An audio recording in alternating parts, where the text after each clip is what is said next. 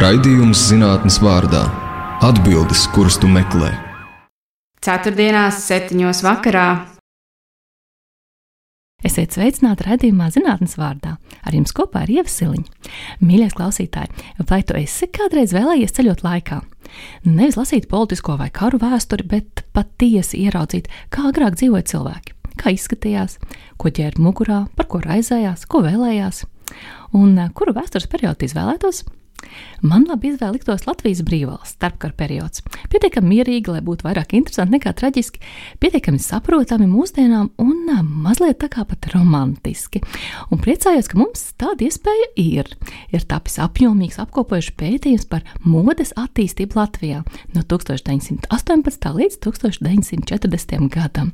Un mode, kā mēs visi zinām, ir sabiedrības spogulis. Tā parāda gan dzīves stilu, gan vērtības, gan arī ekonomikas un politikas jomā notiekošo.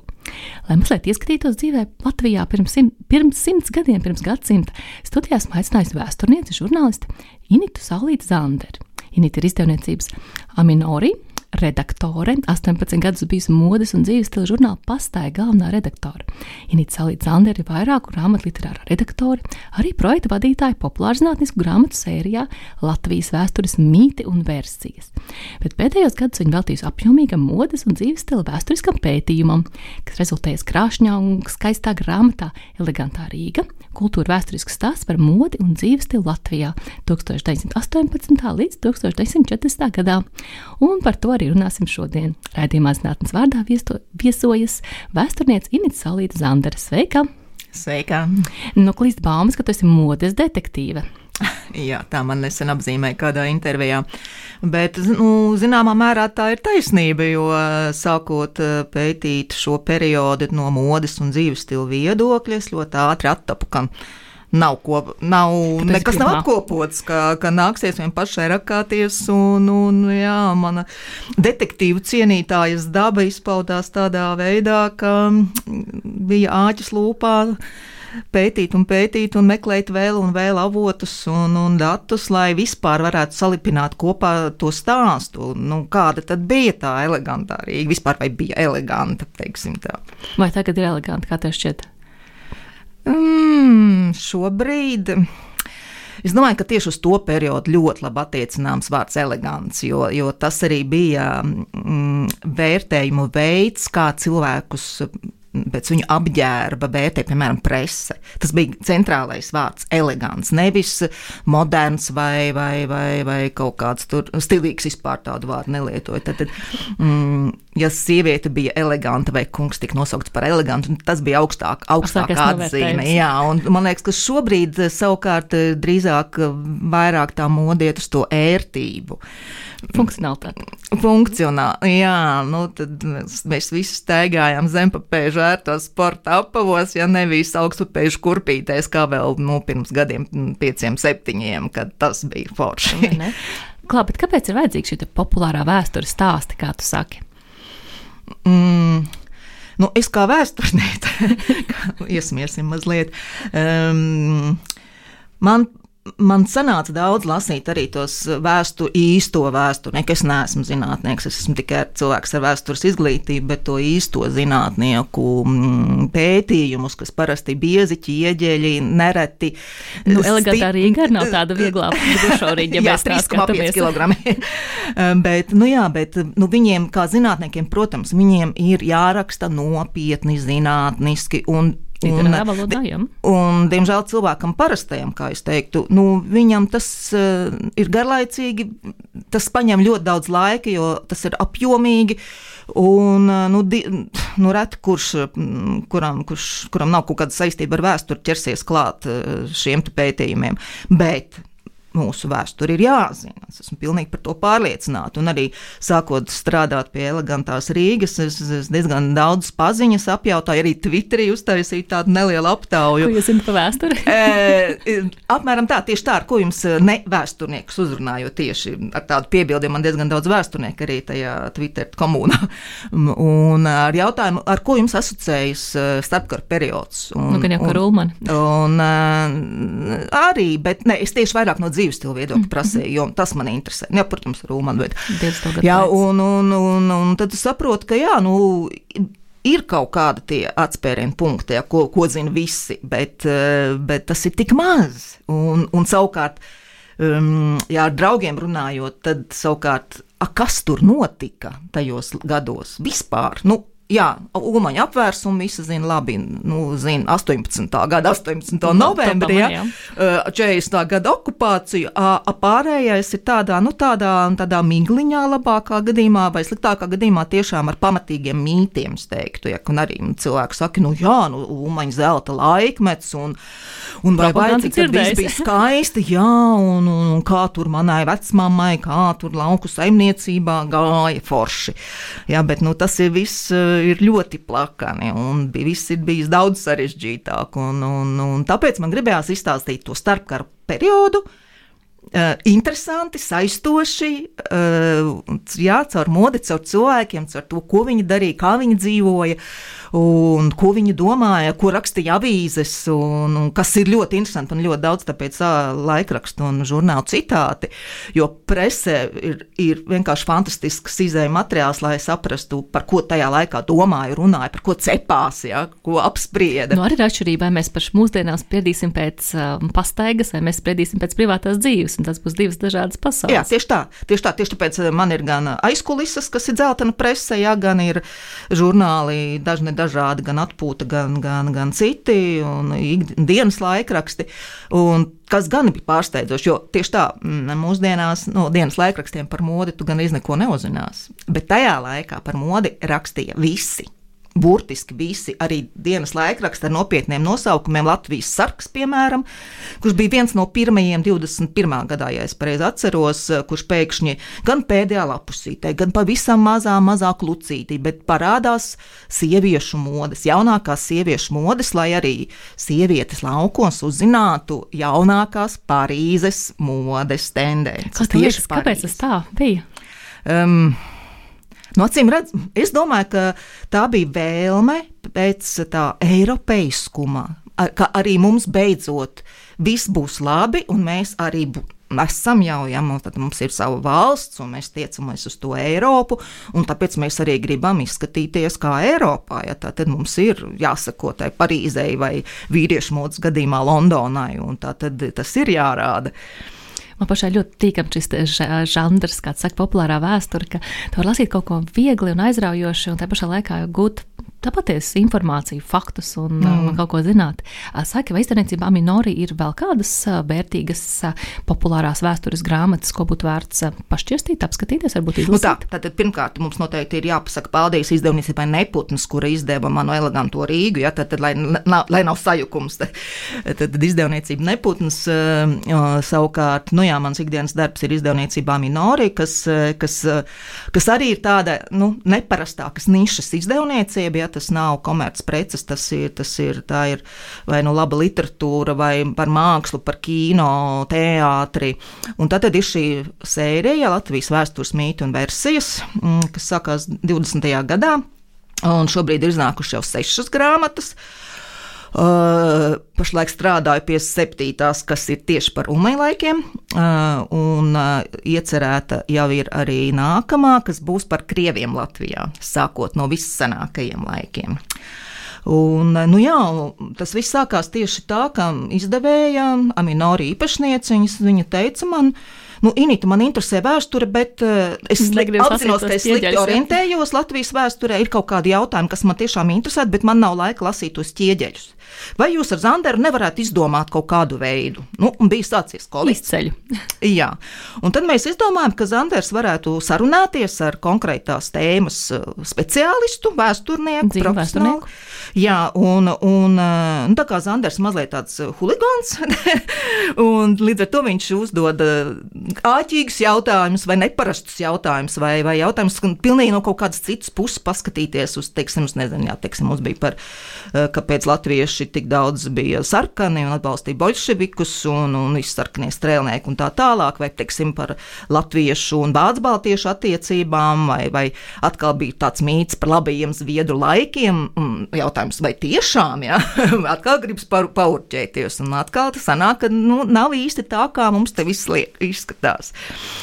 Nu, jā, tā tad vēl ir par Livoniju, un tad mums bija par padomu laikiem pielāgošanās. Un pēdējā ir UC, ārpus kolektīvās atmiņas palikušie ar Mārtiņu Mintauru, kurš, manuprāt, brīnišķīgi izstāsta 19. gadsimta vēsturi un kāpēc tā ir tik svarīga mūsdienās, kāpēc tā tik ļoti ietekmē teiksim, to, kā varēja rasties Latvijas valsts pēkšņi pēc kara, pēc absolūtā sabrukumā. Uh, Un, nu, jā, un parunāt par cilvēkiem, ko mēs esam bieži vien aizmirsuši, vai, vai, vai negribam par viņiem stāstīt, par notikumiem. Nu, lūk, es jau aizrāvos. nu, jā, tā, nu, tas tiek izstāstīts tādā vieglā formātā, bet tur tam visam apakšā ir atsauces, tam visam apakšā ir pētījumi.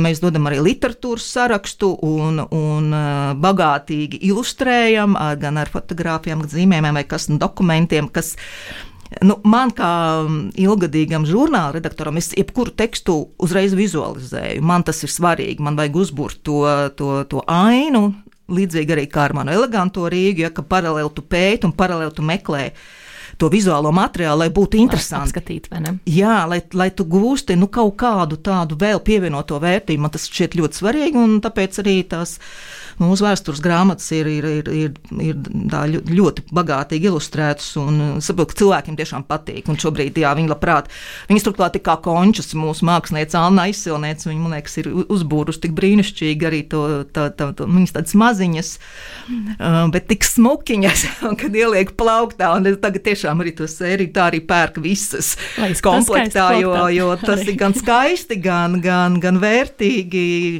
Nu, jā. tas man liekas ļoti labs materiāls studentiem, vai ne? Jā, ātri es... un viegli iepazīt vēsturi.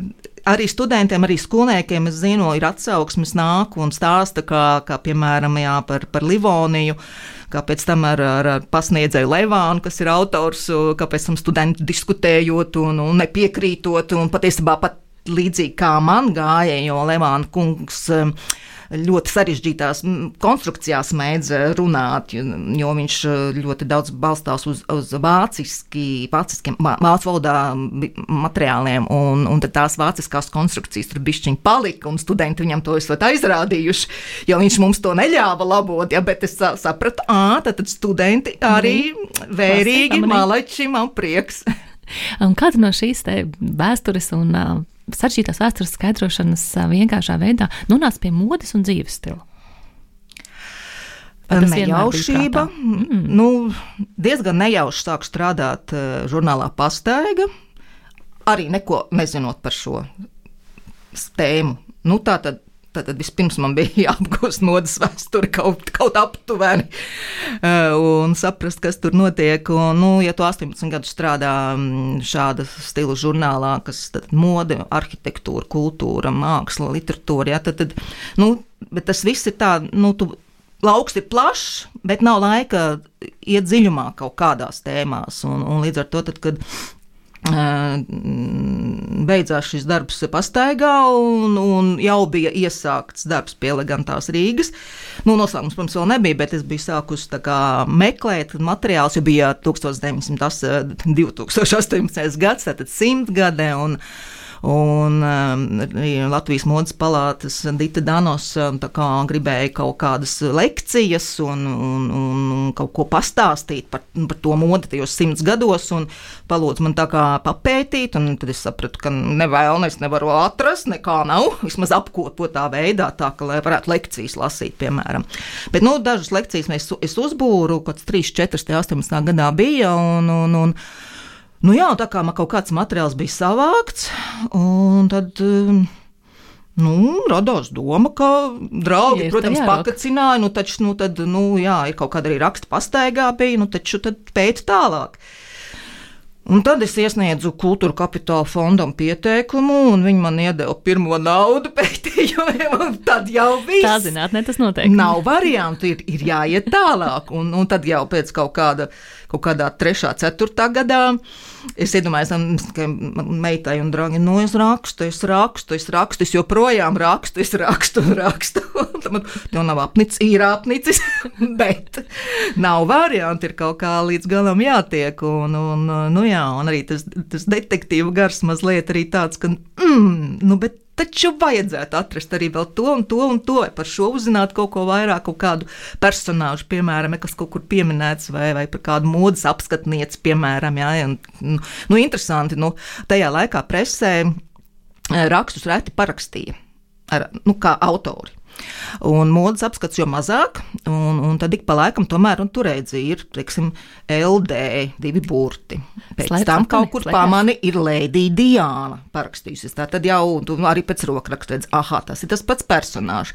Meklē tālāk, un, un, un Uh, nu, redz, ir ļoti burvīga lieta ir tā periodika.clv, uh, bet nu, tā ir tāda nejaušību milzīga bagātība, kur pat eh, nu, meklētāji ierakstīja to Lēdiju D vai Lēdiju Diānu.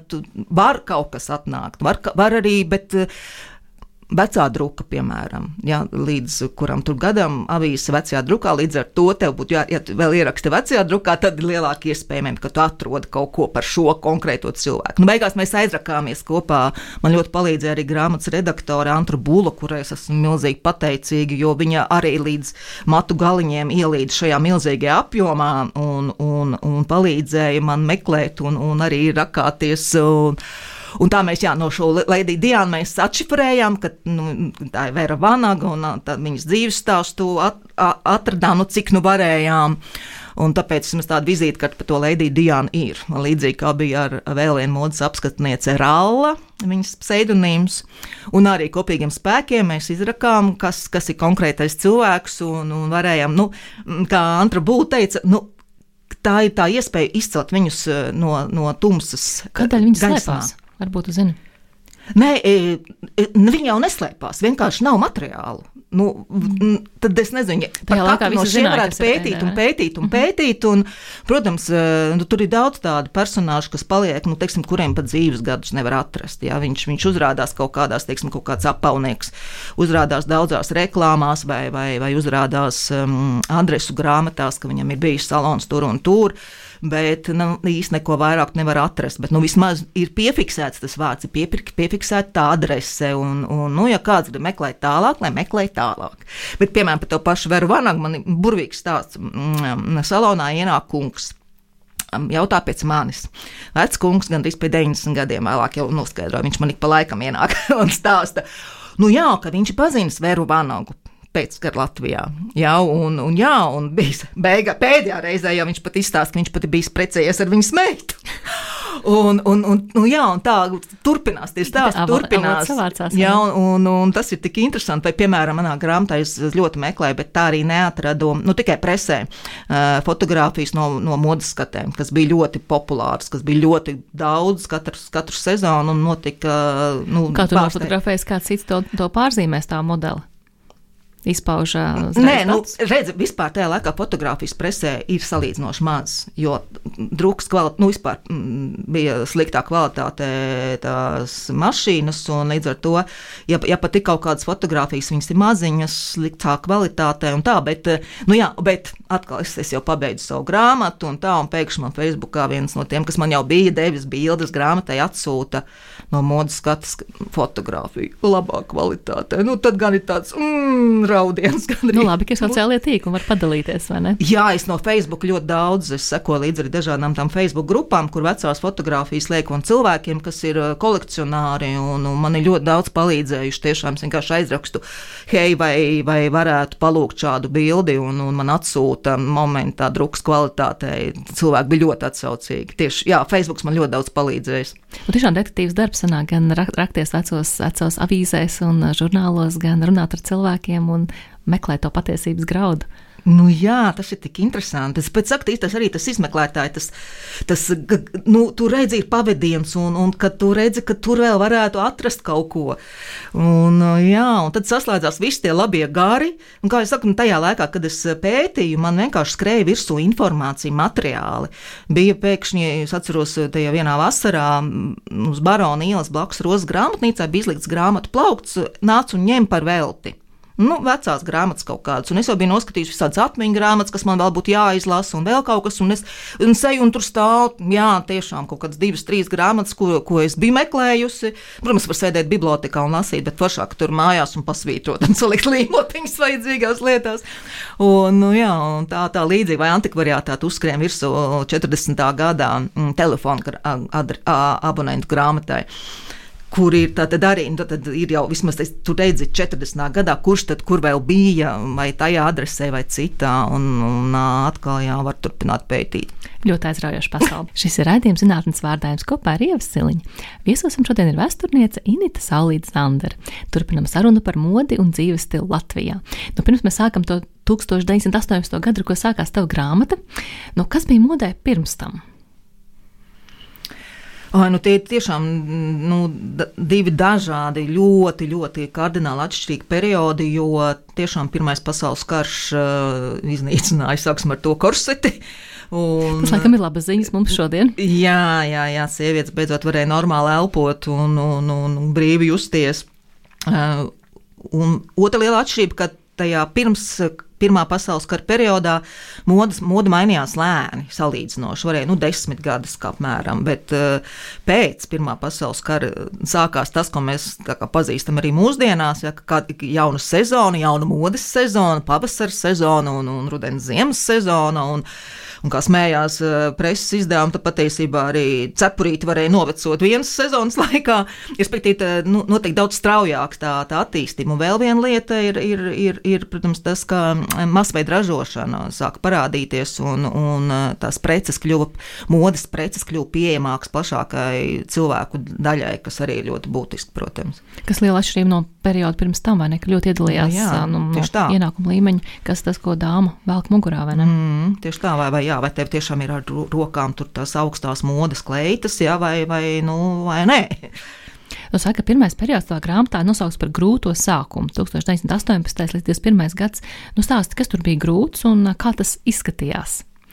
Nu, tas vispār ir traks periods, kuru ir nenormāli sarežģīti izstāstīt, jo, jo tur tās juku jukas, ok, ir 18. novembris, tad nāk iekšā Stučka ar saviem bolševikiem un, un un tad vēl ir tur, tur Ulmanis uz kuģa sarātavu ar saviem, tad tur pa vidu Niedra un, un, un Baltvācieši, un tad pēc tam vēl Bermons. Un, ja, bet, bet kas man šeit no modas viedokļa ļoti interesanti, zinot to, nu, cik sarežģīti tur visu laiku tiešām karot, nu, tur nepārtraukti notiek kaujas vēl Latvijas teritorijā, bet tikko kaut mazliet kaut kāds klusums. Tā momentā presē redzi sludinā, sludinājumos. Tur drēbnieks tāds un tāds atsāk savu darbību, laipni aicināti, tur iegādāties tur uz valkus, jā, vai, vai tur uh, kaut kāds cits amatnieks tur meklējas eļļus, un arī tas un tas ir tagad atkal atvērs savu salonu.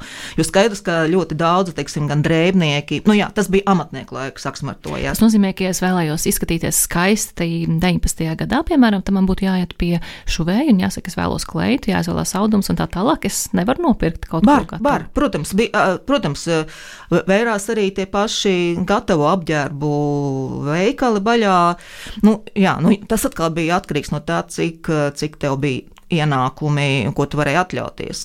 Kaut gan teiksim, nu, tas pats periods no 19. gada pirmā pusē, ja, kad, kad šeit bija Stučka un, un Bolševiki mēģināja visādus brīnumus izdarīt.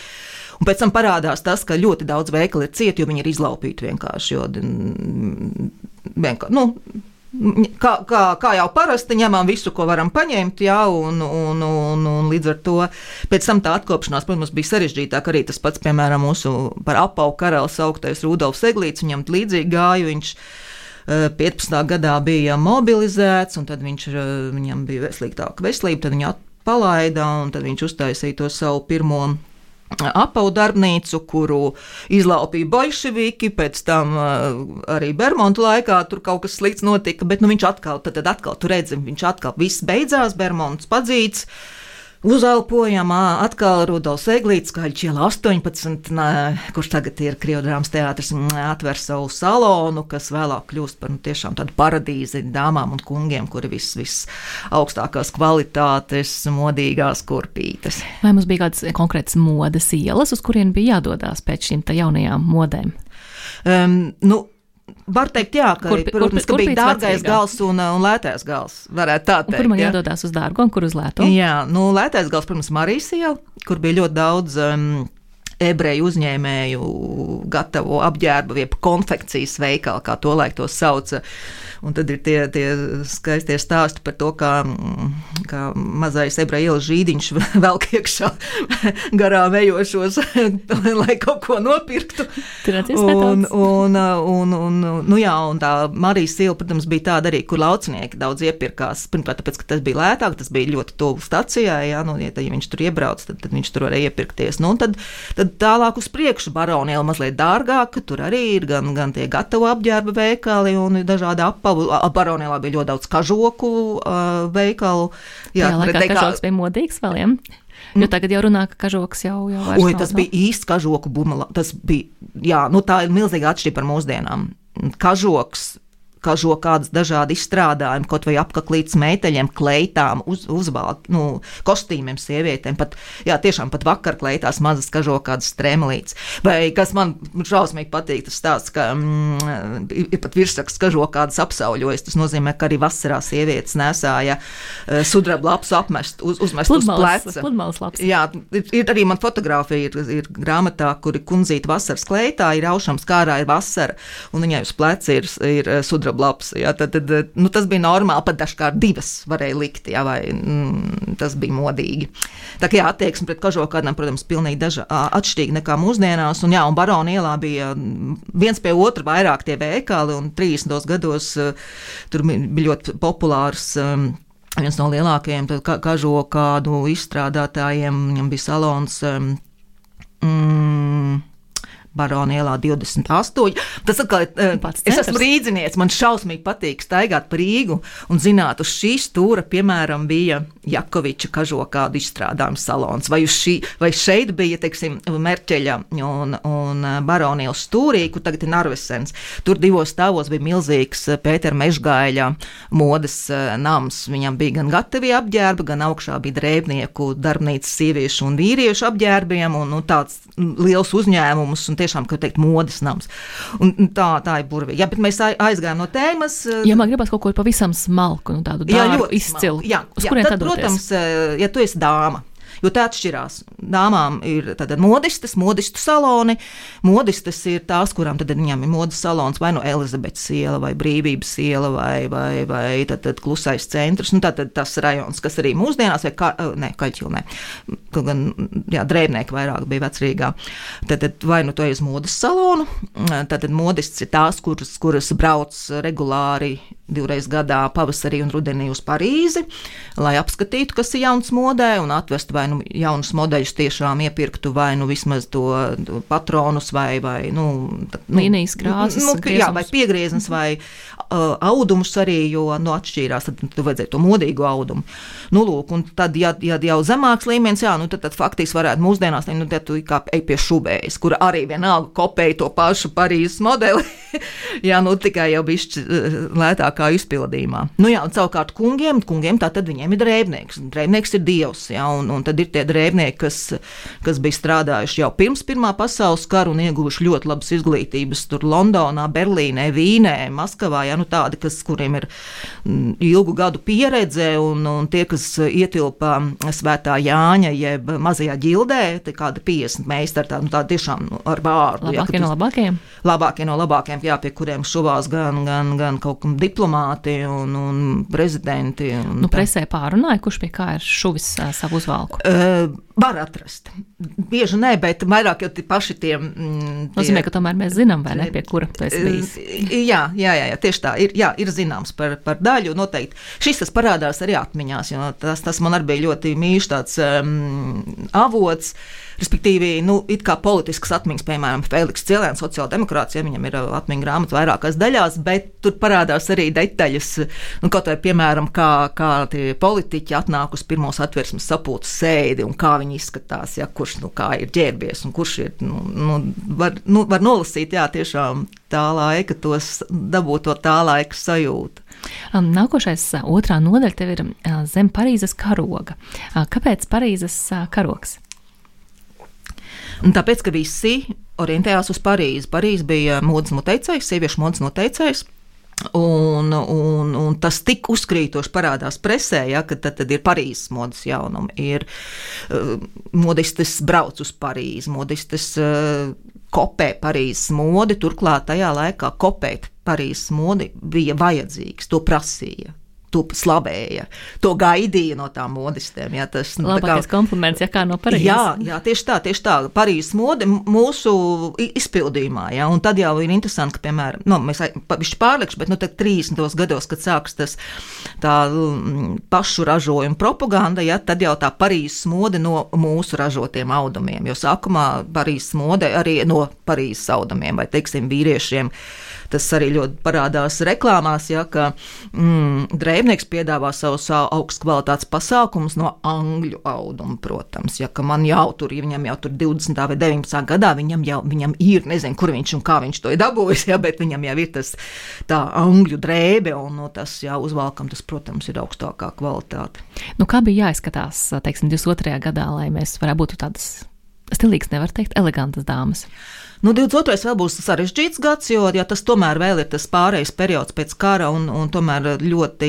Nu, Vēl, vēl, vēl ir jūtams, ka ir tās gana garā, garie tērpi, un vairāk varētu runāt no 24. gada, kad kleitas kļūst ar vien īsākas, īsākas, īsākas, nu, un tad jau 26. 27. gads, kad ir tās Čārlstona uh, kleitiņas līdz celītim, principā kā ļoti izaicinoši. Puspliki varētu pat, varētu pat, pat tiešā veidā, tiešām pusplikas tās dāmas tajos pasākumos, ballēs un dejās bija, par ko arī presa ironizēja, jo, nu, ja tu esi jauns un tievs, tad tas ir smuki, bet arī, diemžēl, kundzītes uh, gados un ar apaļām formām arī bieži vien iespīlējās tajās mazajās kleitiņās. Nu, tieši tāpat kā mūsdienās, vai ne? Jā, ne, man liekas, ka mūsdienās mazāk. Jo tur tu ļoti, ļoti, ļoti centās sakot tiešām tā, tā modei. Tas ir ļoti uzkrītoši. Nu, protams, ka tas ir runa par vidusslānu, tas ir nu, vai augstāko sabiedrību, jā, par, nu, par zemākiem. Tas ir tas arī, ko Inēta Lipša ir teikusi, ka mums nav tās sociālās mums nav pētīta. Es neko nevaru pateikt par, par strā, kā, kā dzīvoja, piemēram, strādnieki. Labi, mēs esam redzējuši filmu bildi vai lasījuši bildi Billijam. Mēs zinām, ka Billis tētim kaut kādā brīdī bija tikai tas baltais krekls, viņš brauc kaut kur ciemos, bet viņam nebija žaketes. Nu, tad, nu, tas, tas ir atkal tās milzīgās šķērs. Bet, nu jā, tad, tad, tad 20 gadu vidū, jā, tad ir tās Čarlstona tipa tās mazās kleitiņas, un, un, un tad jau 29, un taisnais siluets. Cilvēks kā dēlis, kā teica, sieviete kā dēlis, jo tu biji plakanāk, jo tas ir labāk, ja pat apspied krūtis ar, ar korseti, lai dabūtu to pilnīgi taisno to, to siluetu. Un tad par laimi 29. gadā Parīzē at, atkal sākās sievišķīgošanas bums, un atkal jau kleitas kļūst garākas, un viduklis un krūtis, un viss ir savās vietās, un, un tas, tas siluets jā, pilnīgi mainās. Um, tu pieminēji dēļas, vai dēļas tas ir kaut kas, kas ir augstākiem slāņiem, smalkās ballēs, vai tā ir lieta, kur arī vidusslāņa dāmas un kungi devās? Dejas tas ir vispār 20 no gadu ir, laiks, ir deju bums. Noteikti ļoti daudz balvas. Atkal var teikt, ka pēc kara cilvēki ir izsalkuši priecāties. Noteikti nenormāli daudz balvas, visādi sarīkojumi visās malās. Kā mums pēc Covid. Jā, jā, jā, jā karnevāli un, un preses balvas un, un tādas balvas un šitādas balvas, vēl pēcpusdienas tējas un visādas pieņemšanas gan privāti, gan restorānos. Un, eh, un savukārt, jā, nu, ballēs ļoti svarīga daļa bija balles dēļas, tāpēc bija ļoti populāri dažādi deju kursi. Tas ir jau pieaugušiem cilvēkiem, vai kaut kas, ko mācās jau jaunieši? Uh, ir, ir viens atmiņas stāsts, tas tā, man liekas, Basjānim dēls rakstīja, ka, ka viņ, viņš bija vidusskolnieks un tajā laikā, un jā, vecāki viņam teica, ka nu, šajā laikā tev ir jāsamācās visādas gudrības, kas tev dzīvē būs vajadzīgas, un līdz ar to viņa aizsūtīja pie Eduarda Ka, Kauliņa, kuram bija Mārsta ielā, tad deju skola, viņš bija vecmeistars, tāds, kas pirms kara jau bija, um, entās paudzes, īpaši korporeļiem mācījis dejas korporācijas Sēpēl, viņiem jau arī balvas ar dejām, un, un, jā, un tad viņš savā laķenēs un pusgarajās biksēs esot pasniedzis tās dejas. Tā kā jā, tas bija ļoti būtiski, jo jebkura balva sākās, liela balva sākās ar polonēzi. Polonēzi bija tāds, kur sevi parādīt un, un partneri atrast visai, visam vakaram, jā, ja tu neizēji to polonēzi, tad tu paliec viens un, un, un viņš nav kā dejot, jā, nekas vairs nesenāk. Un tā tad tā lēnā polonēs, tur liekas, preses balē bija tā, ka stundu iet jā, lēnā garā, un tad tu, jā, viņš stērpus var redzēt, un tā, jā. Un tas sanāk laiks, ka vēl mm, augstspēļu kurpītes vai nesmalki aksesuāri pie tā klāt. Tas arī ikdienā vai tikai šajās ballēs? Aksesuāri ļoti svarīgi tā, tajā laikā. Tāpēc man ļoti man ir nodeļas katrā tajā periodā par aksesuāriem, jo uh, nu, tā, tu, tu varēji būt elegants tikai tad, ja tev ir tērpam, laikam, vietai pieskaņota, jā, cepure, kurpes, somiņa, cimdi, zeķes, kaut kādi dārgakmeņi vai nu kas, nu, ja, un, un tam visam bija jābūt pareizi. Tie, teiksim, atkal tie vēstījumi, ja, kad ai, nu, uzvilkusi baltus cimdus un milzīgu gredzenu uz cimda, nu tā taču nevar darīt. Ja. Nu, tās detaļu detaļas, kas bija jāievēro, vai, teiksim, pēcpusdienas stējā, bija, tev bija jābūt pēcpusdienas tērpā ar garām piedurknēm un obligāti cepurīti galvā, un, un tad, ja tu biji... Tā ir cepurīti. Jā, un tad, piemēram, Pāvēlam Rozītim ir stāsts cepure kur ir stāsts par jaunizceptu um, direktoru kundzi vai ministru kundzi, nu, kur, pie kuras aicina um, ciemos um, citu to kolēģu kundzes. Bet viņa nabadzīga nezina, ka ja viešņas drīkst pie viņas tajā tējā sēdēt ar cepurītēm galvā, tad viņa pati Nē, viņa mājās, bet viņa redz visām cepures galvā, viņa arī uzliek to cepuru galvā, un pēc tam ir šmuce. Pēc tam visi par viņu smējas, un vīram viss uh, karjeras ir sabojāta. nu, tāds stāsts par cepuri. Šis ir raidījums zinātnes vārdā ar jums kopā ar Ievas Siliņu. Viesosim šodien ir vēsturniece, modes detektīva Inita Sālīta Zandera. Turpinām mūsu sarunu par modi dzīves stilu, nu tie 30. Tu esi devis tāds skaists nosaukums Latvija var. Nu, tas, tas, tas zelta laikmets ko mēs gaidām, vai ne? Nu, tas Latvija var mazliet ar tādu, nu, neteikšu ironiju, bet um, tas ir laiks, kad uh, situācija bija tāda, ka Latvijai vajadzēja varēt. Jo tad, tad 30. gada sākums, tā ir pasaules ekonomiskā krīze. Tas nozīmē, ka visur viss brūk, iestājas savu tirgus aizsardzība un nebūs jums nekādas eh, Parīzes drēbītes, vai somiņas, vai cepurītes, ja ka ļoti daudz kas ir jāsaražo šeit uz vietas, kaut vai tie paši audumi. Un, eh, līdz ar to nu, Jā, bet vienlaicīgi ir, ir tā ekonomiskā krīze, ir bezdarbs, eh, sarūk tad, tad darbinieku skaiti, un, un visiem ir slikti, un naudas nav. nav un... Ekonomikas vai politiski ieteikumi? Kas spiež uz to, ka tās Latvijas tomēr. Uh, nu, Tas jau ir politisks lēmums. Jā, jo, teiksim, sākas pirmās Latvija, Latvijas ražojuma propagandas izstādes un nedēļas, un ir speciālas komisijas, kas to piedāvā un virza. Un, tad, tad mē... Nozīmē, ka mēs ļoti novērtējam, liekas, vai cik labi, labi, labi, bet īstenībā tas bija politisks spiediens, ka tā tas ir jādara. Jā, nu, tur, tur vajadzēja, jo, piemēram, tiešām krīzes laikā, atceros, bija. Um, pārunas ar Angliju e, e, politiskā līmenī, jo viņi gribēja, viņi iebilda laikam pret tām muitām e, tieši britu audumiem, e, vilnas audumiem.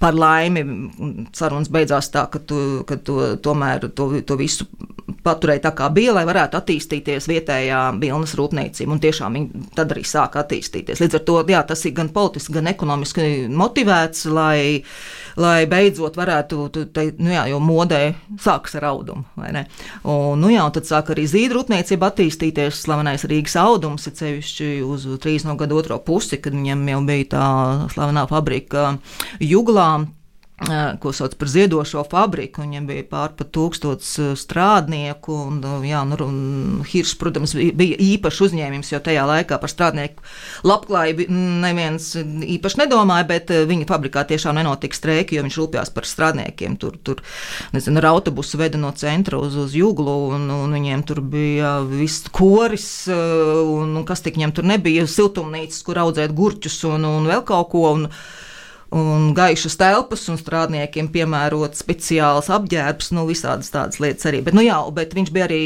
tiešām. Mm, augsta līmeņa uzņēmējs, kurš sekoja līdzi visām jaunākajām tiksim, audumu attīstības tendencēm rietumos un momentā ieviesa to, kas varētu šeit būt atbilstoši, izstrādāja rakstu rakstus, un viņam tam bija milzīga komanda, kas, kas strādāja uz to mākslinieku komanda.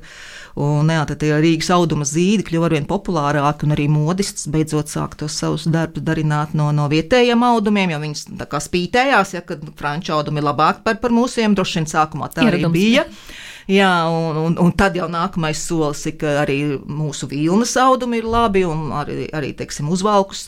Un tad, kad slavenības saka valkāt uzvalkus vai kostīmus, dāmas vai kungi no, no vilnas audumiem, mūsu vilnas audumiem, nu, tad jau atkal tāds, jā, tāds stila ikonu iznāciens, ka tad, tad tas parāda līdz to, ka arī, nu jā, jā, jā ka tas ir pieņemami un, un tas viss var notikt.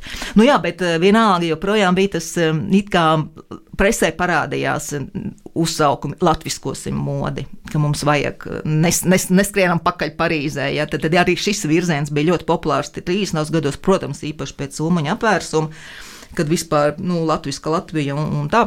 Uh, un, bet, uh, Jā, piedāvāja gan atpūta, gan, gan zeltene, gan citi preses izdevumi, rādīja, eh, teiksim tā, it kā nu, mūsdienīgus, tā, tā laika mūsdienīgus siluetus ar kaut kādām latviskām detaļām.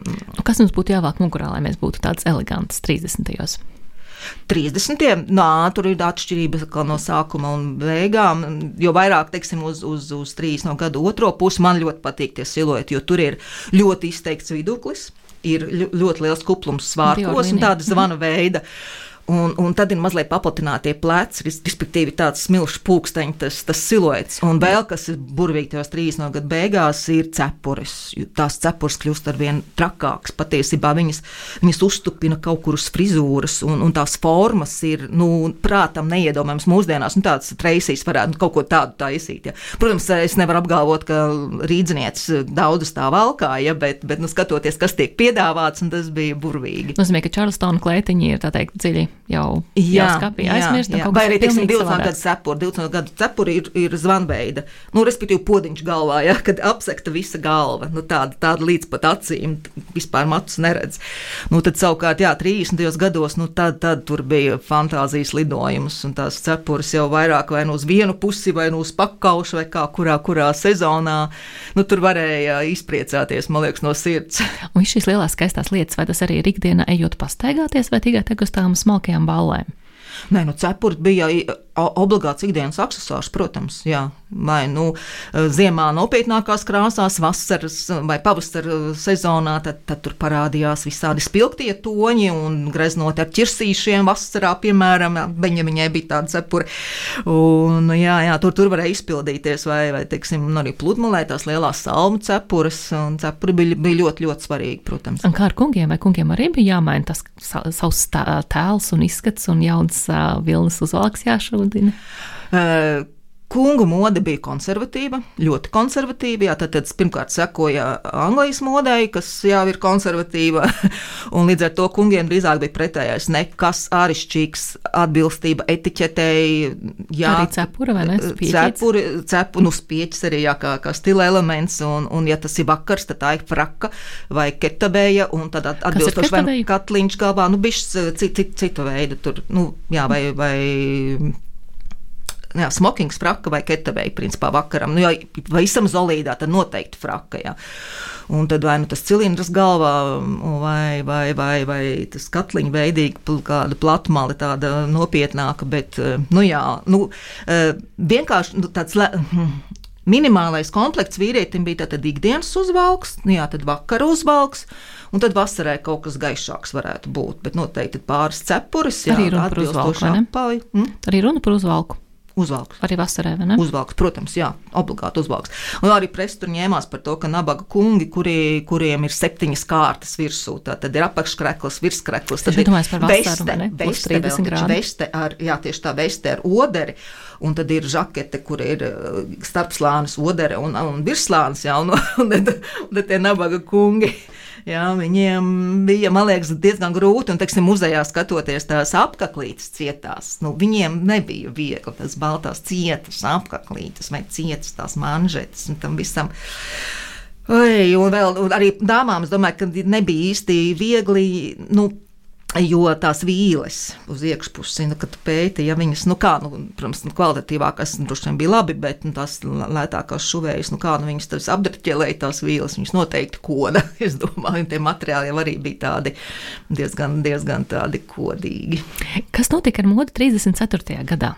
Tu esi ielikusi to kā tādu robežu šķirtni līdz nu, pirms pēdējā posma, kas ir, kad uh, politika ietekmē modi, kas no 1934. līdz 40. Mm -hmm. gadam. Nu, kas bija, kas notika 34 modē. Nu, 3,4. protams, notiek ulmaņa apvērsums, un nu, tā uzreiz uz modi tas. Vai tad ulmanis metās uzreiz šim te klātam? Nē, nē, es taču biju teikt, uzreiz 3,4. Nē, bet, nu, lai tā robežšķirtne būtu, tomēr tas ulmaņa apvērsums pamazām ietekmē visas uh, dzīves sfēras. Un, lai cik smieklīgi nebūtu arī modi. Un 37. gadā, kad tika izveidota sabiedrisko lietu ministrija ar Alfredu Bērziņu vadībām, kura tā tad nodarbojas ar visu nu, regulēšanu. Mm, domu ietekmēšanu, es teiktu tā, un tikt izdot tiešām noteikumi par modes skatēm. Modes skatus vairs nedrīkstēja notikt restorānos, kur lieto alkoholu. Modes skatus nedrīkst to, modes skatējs nedrīkst šito, ja tur drīkstēja tikai labdarības nolūkos, un respektīvi, nu, tik smieklīgi modes skate. Jo agrāk notika restorānos vai salonos, un dāmas tā atpūtās, ja bija ļoti regulāri. Nu, dāmas sēž pie galda, dzer kafiju, ēd kūku, jau pļāpā, nu, un tad tur slītās modelis pie reizes, viņas redz to jaunāko modi, ja tad, tad pat modes skatus sāka regulēt. Nu, tad, protams, tad vēl sākas kameru sistēma, tā tad visiem amatniekiem, kam pieder arī mod, drēbnieki, arī modistes, protams, visi apavnieki, cepurnieki, tad viņiem vajadzēja uh, pārlikt eksāmenus tajā amatniecības kamerā, dabūt jaunas apliecības, citādi viņi nevarēja strādāt. Tas ir kaut kas tāds apvienības? Uh, nu, kāda, kas ir kameras? Ļoti sarežģīti būs tagad ātri izstāstīt. Respektīvi, main, pilnīgi sagrāva iepriekšējo sistēmu, tika likvidētas visas biedrības. Tā skaitā mazā ģilde, lielā ģilde, turklāt tika pārņemtas arī ēkas, par ko ļoti protestēja Vācu baltieši, jo tās bija privāti, tomēr nu, privātas naudas ieguldījumi. Un visu šo bijušo organizāciju vietā bija izdomāts, ka būs kameru sistēma, tirniecības, rūpniecības kamera, amatniecības kamera un vēl tur vairākas, katra par savu nozari, ja, principā, kas kontrolētu tajā nozarē strādājošos. Nu, respektīvi, kontrole, kontrole, kontrole. Viss bija jākontrolē no augšas. Un, eh, nu jā, tas, eh, tas ietekmē, protams, arī to amatnieku dzīvi tālāko. Nu, jā, viņiem bija tad, tad jāietilpst tajā organizācijā, un, un nebija citu variantu. Vai šīs organizācijas arī diktēja to, kā tu drīkst izstīties un kā nē? Nu, nē, nē tā, tā gluži nav. Joprojām, protams, bija Parīzes mode. Kaut gan es saku, arvien vairāk bija tās tā, tā, tā, tie kliedzieni pat brīžiem, ja, ka, ka nostart visu to ārzemniecisko, ka mums vajag latvisku modi. Un, bet eh, kas ir tas eh, mazliet tāds absurds, ja, bet tiešām vienīgā modes skata, ko es esmu atradusi, kur, kur bija deklarēts, ka modes skata bez Parīzes modes, kur rāda oriģināls modeļus no mūsu audumiem. Mūsu amatnieki visi bija 40. gada pavasarī, tad, tad pavisam neilgu laiku pirms, eh, pirms okupācijas, un tas lielā mērā bija tāpēc, ka bija sācies karš, tāpēc, ka nu, vispār bija viss, neko nevarēja ievest, jā, un patiesībā jau tas bija tāds, nu, citādi jau nevarēja, bet, eh, bet nu, jā, tas arī tika tā pasniegts, ja tā ir tā mūsu latviskā moda. Kāda izskatās latviskā moda? Vismaz izskatījās tajā laikā. Nav nu, ir viens, viens, viens zīmējums presē no tās skates. Diemžēl es, es neko neesmu nekur atradusi. Tā kā man ir grūti. Bet es saprotu, ka tā, jā, ka tur bija arī ar, ar, ar mm, etnogrāfiskiem ornamentiem kaut kas dekorēts. Tagad, un, jā, jā, jā, nu tāds, bet tiešām nav Nav, to, nav tās vizuālās tā informācijas. Tā arī laikam bija tā pati ietekme, ko viņi vēlējās panākt iepriekš. Ne Latvijā ražoti audumi, kādi etnogrāfiskie elementi, kaut kas tāds, tas ir tas, kā šo Parīzi padarīt latviskāku. Nu, tikt prom no tās Parīzes. Jā. Jo, teiksim, arī tad sākās runas, ka mums vajag pašiem savu modes žurnālu, kas arī ir interesanti, ka tiešām uh, pirmais. Lat Latvijā izdotais modes, tiešām modē veltītais žurnāls iznāca jau pēc okupācijas, 41. gadā, saucās Modes spogulis, iznāca jau paralēli latviešu un krievu valodā. Un, eh, un tur ar saviem eh, darbiem piedalījās tiešām tajā jau nu, pirms la, la, Latvijas laikā pazīstami gan modistes, gan drēbnieki, gan tas pats Rudolfs Eglītis. Nu, nu, tāda ir tā vēsture. Un, eh, nu, jā, vēl tajā mm, pirmajā tajā okupācijas gadā kurš nu paglābās, jo daudzus izsūtīja. Nu, protams, nacionalizēja tos viņu uzņēmumus, daudz izsūtīja. Piemēram, tas pats Eglīts izglābās no izsūtīšanas, jo palēmējās, ka viņš bija aizķēries ro, Rom, Romas viesnīcas restorānā un, un vēlu gāja mājās un sētniec brīdināja, un tad viņš bija pie kaut kāda zeļa paslēpies pilsētas nomalē un, un tā, bet, nu jā, slikti beidzās daudziem, daudziem beidzās Sibīrijā. Kas, no, kas notika ar modi, kurā brīdī šīs skaistās A līnijas kleitas mainījās pret ko vienkāršāku? Tas ir tieši ienākot karam, vai tomēr Jā, protams, līdz, ar, līdz, ar, līdz sākās karš, sākās taupīšana. Tādā valstiskā līmenī ūmaņu uzsaukums mums ir jātaupa, jātaupa visur, un, protams, tas ļoti attiecās uz tieši uz modes industriju. Jā, neko jaunu, pāršujam, jā, arī visos gan atpūtā, gan citos sieviešu žurnālos parādās zīmējumi ar pamācībām, kā no veca uztaisīt jaunu, jā, kā, kā tur kaut ko pielabot, jā, taupības laika kleitas un tērpi. Uh, un jā, netērējam naudu jauniem apģērbiem vai jauniem accessoriem, un, un visu vienkāršojam. Tad jau arvien tālāk, un 40. gadā jau atkal ir nu, nākamais umaņa uzsaukums, ka, nu, ja būs vēl sliktāk, nu, tad jau tagad katrā lauku saimniecībā, kur ir kaut kādas stelles, paši aužam audumus, šuvam apģērbu no pašausta auduma. Atgriešanās vēsturē. Jā, faktiski. jā nu, diemžēl piespiedu kārtā. Kas notika tālāk pēc šiem 40 gadiem? Tāprāt, modē. Kā tu raksturotu, nu, kara modi, jā, tas droši vien ir, ir specifiska lieta, bet pēc kara. Kā tev šķiet, padomu laiku mode? Es neesmu pētījusi, teikšu godīgi, ja, bet nu, kaut vai tas, ka jau 49. gadā sāk iznākt žurnāls Rīgas modes slavenais, ja, tas jau par kaut ko liecina. Nu, tomēr tas nu, tas mūsu gēns, es teiktu, ja, nu, tik ātri viņi nevarēja iznīcināt. Un, un, un, nu, mēs labi zinām tos stāstus par par krievu virsnieku kundzēm, kuras uh, nozaktajos uh, naktsveklos vai kombinēja iet uz operu, jā, un, un tā, bet, nu, es domāju, ka ar, ar ar latviešu sievietēm nu, viss bija kārtībā. Nu, cik nu varēja atļauties arī pēc kara, nu, tik. Nu, šķiet, arī tagad viss ir kārtībā. Protams, neesam vairs tik, tik, tik ļoti nesakojam konkrētām detaļām un ir daudz lielāka dažādība, bet uh, ar stils izjūtu šeit mums ir viss labi. Es arī domāju, ka mums viss kārtībā. Saki, nobeigumā, kāda ir tava nākotnes plāni pētniecībā? Nu, pirmkārt, man ir jā, iesāktās Latvijas vēstures mītu un versijas divas grāmatas. Tā par Ulmanu. Viena par Ulmanu laikiem, un aiznākamā tad būs par krieviem Latvijā, sākot no vissanākā perioda. Kā tad bija, kad tad viņi te bija, un vai tā pareizticība bija jau pirms kristietības vācu ienestās vai nebija un aiziesim līdz, līdz, līdz 40. gadam. Uh, nu jā, tās pašlaik ir, un nu jā, krājas folderītī informācija. nu, gribētos paturpināt, jā, gan tas kara laiks, gan, gan, gan varbūt tālāk paiet, vai arī paiet atpakaļ uz jūgenstilu laiku. Nu, respektīvi, kā sanāk? Lai varbūt um, šīs brīvvalsts laiku. Vai tomēr modēt nevar skatīties uz uh, šajā. Nu, arī šo es esmu pētījis. Tiksim, tajā Latvijas kultūras vēsturē tur ir diezgan daudz manu man pētījumu rezultātā iegūtā informācija. Es diezgan labi pārzinu modi arī jā, no 90. gada. Man ir tas savāds. ļoti interesants man. paldies! Inīt, paldies tev par šo brīnišķīgo pētījumu, lai tam seko nu daudz līdzvērtīgu, lielisku sasniegumu. Atgādinu, ka raidījums nātnes vārdā viešņa bija vēsturniece, žurnāliste, redaktore un modes detektīva Inita Saulīta Zandera. Studijā bija Siliņa. Lai sekot jaunumiem mūsu rādio, atcerieties piesakot atrādio un abu kanāliem, sociālos tīklos Facebook, Twitter un Instagram.